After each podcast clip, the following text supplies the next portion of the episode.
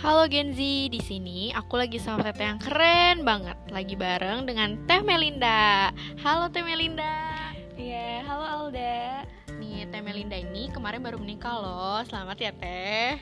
Semoga menjadi keluarga sakinah, mawadah dan warohmah. Amin. Aku mau nanya-nanya nih Teh, biar Gen Z bisa kenalan sama Teteh. Nah, Teh Melinda ini tuh sudah bekerja loh teman-teman Jadi wakasnya kurikulum di SMA IT Insan Sejahtera Lulusan IPB yang banyak prestasinya Nah, untuk mencapai itu dulu Teteh melakukan perencanaan gak ya? Atau ngalir aja gitu kayak air? Oke, uh, untuk segala suatu hal pasti yang namanya perencanaan itu ada Mulai dari kita, misalnya mau uh, sekolah dari SD, SMP, SMA, bahkan sampai kuliah itu pasti ada yang namanya perencanaan Nah dengan perencanaan yang matang kayak pengen masuk ke uh, sekolah SMA 3 Kenapa pilih SMA 3? Karena di sekolah SMA 3 itu uh, ada beasiswa yang namanya beasiswa atlet. Di situ alhamdulillah ketika teteh bekerja keras untuk uh, mencapai hal itu kemudian bisa menjadi atlet basket alhamdulillah teteh bisa mendapatkan beasiswa atlet selama tiga tahun sekolah di SMA 3 sehingga akhirnya gratis.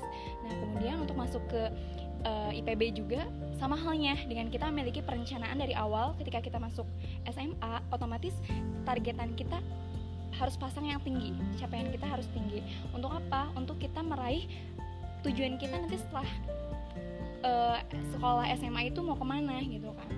Nah di situ ketika kita sudah memasang target kita otomatis akan bekerja keras. Dan ketika sudah mendapatkan hasil yang terbaik dan didukung dengan doa juga ya alhamdulillah qadarullah akhirnya teteh bisa masuk ke IPB dengan uh, mendapatkan beasiswa bidik misi juga dan alhamdulillah situ juga mendapatkan uh, beasiswa full selama 4 tahun karena kan bidik misi itu gratis ya dan juga ditambah mendapatkan uh, biaya untuk kehidupan sehari-harinya. Nah, kemudian untuk ketika masuk ke IPB pun sama halnya kita juga harus memiliki perencanaan gimana caranya kita bisa menjadi mahasiswa yang aktivis enggak hanya uh, mahasiswa yang biasa-biasa aja yang istilahnya kuliah pulang kuliah pulang kupu-kupu ya kalau misalnya bahasa gaulnya.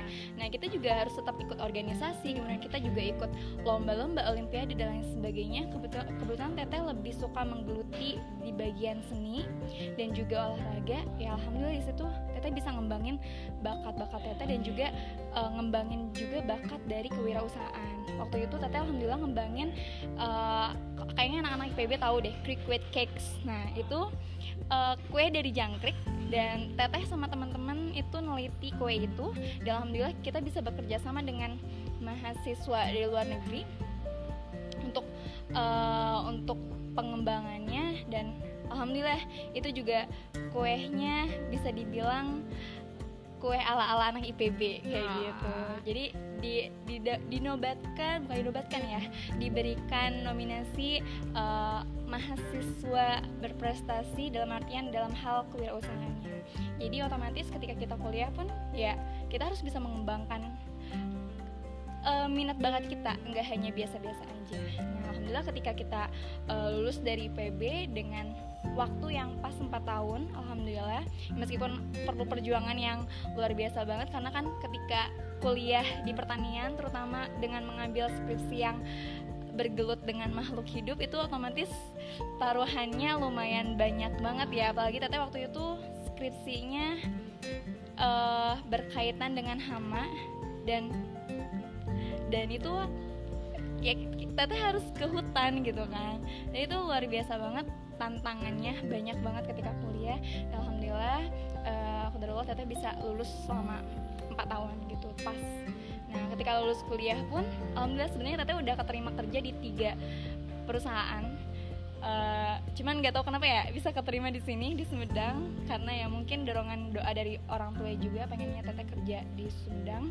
Dan alhamdulillah bisa keterima di SMA IT Insan Sejahtera. Awalnya sebelum ada SMA IT jadi masih di SD SMP IT Insan Sejahtera.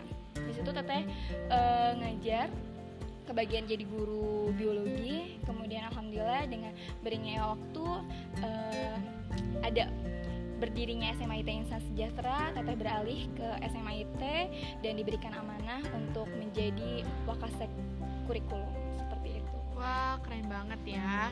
Teh Mel ini emang punya perencanaan sejak dini loh. Keren banget. Nah, Teh Mel, pasti ada dong Teh rencana yang tidak tercapai. Nah, bagaimana nih Teteh menanggapi kegagalan itu? Kalau hal yang tidak tercapai pasti ada ya.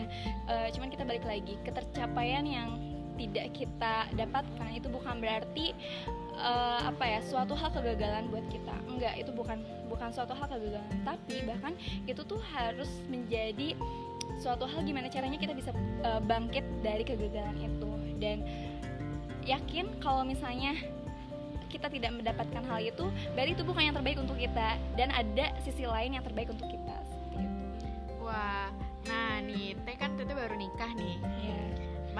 kaget gak sih kalau misalnya Tete ternyata sekarang udah nikah, udah istri orang loh. Okay. Masih kaget gak? ya, yang namanya kaget ya uh, bisa dibilang kaget ya, karena Tete itu bisa dibilang gini. Tete itu ketika nikah, mau nikah itu sebenarnya Tete prosesnya itu adalah taaruf. Ah, Mungkin udah tahu ya iya. teman-teman kalau misalnya taaruf itu seperti apa prosesnya. Jadi belum saling mengenal, ya gimana ya, dijodohkan lah istilahnya Tete itu alhamdulillah kita ketika sudah proses uh, taaruf kemudian selang dari taaruf itu teteh langsung dihitbah. Ah. selama itu selisihnya lima hari sih dari taaruf ke hitbah. Kemudian uh, dari hitbah ke menikah itu setahun lamanya. Sebenarnya itu agak lama tapi karena ada alasan lain jadi akhirnya harus ditunggu lumayan agak lama. Kaget sih kaget tapi ya yang penting kita udah ada niatan baik terus kita udah istilahnya ada uh, prepare sejak dini. Dan ya itu kita harus harus siap gak siap kita harus siap jadi istri orang. Ya, nah tadi kan teteh bicara tentang prepare ya harus prepare dengan baik. Apa yeah. sih ini uh, yang harus disiapin nih uh, untuk apalagi uh, dari remaja ke dewasa itu kan luar biasa ya perbedaannya pasti beda banget pasti beda banget. Okay. nah apa sih yang disiapin gitu? Oke okay. untuk persiapan sebelum nikah ya yang jelas kita harus siapin mental ya. Mental kita harus benar-benar kuat banget karena ketika udah jadi istri kita pasti bareng sama dua kepala yang berbeda. Terus kita juga harus sering-sering misalnya dengar ceramahan dari berbagai ustadz atau ustazah nggak ya nggak secara langsung pun bisa melalui media dari YouTube dan lain sebagainya. Instagram kan sekarang banyak ya. Kemudian yang ketiga kita harus banyak-banyak buku. Yang penting itu kita harus banyak penggalian uh, informasi. penggalian informasi penggalian ilmu terkait uh, keluarga dan sebagainya. Karena ketika kita udah keluarga otomatis kan kita ngurus suami nih ya. Udah kewajiban yang kita harus ngurus suami. Dan kita juga harus tahu hak sebagai istri kewajiban istri hak suami kewajiban suami dan lain sebagainya. Terutama ketika nanti kalau misalnya udah punya anak nah itu tugasnya udah nambah lagi. Makanya prepare yang harus bener-bener tuh yaitu dan siapin doa yang kuat.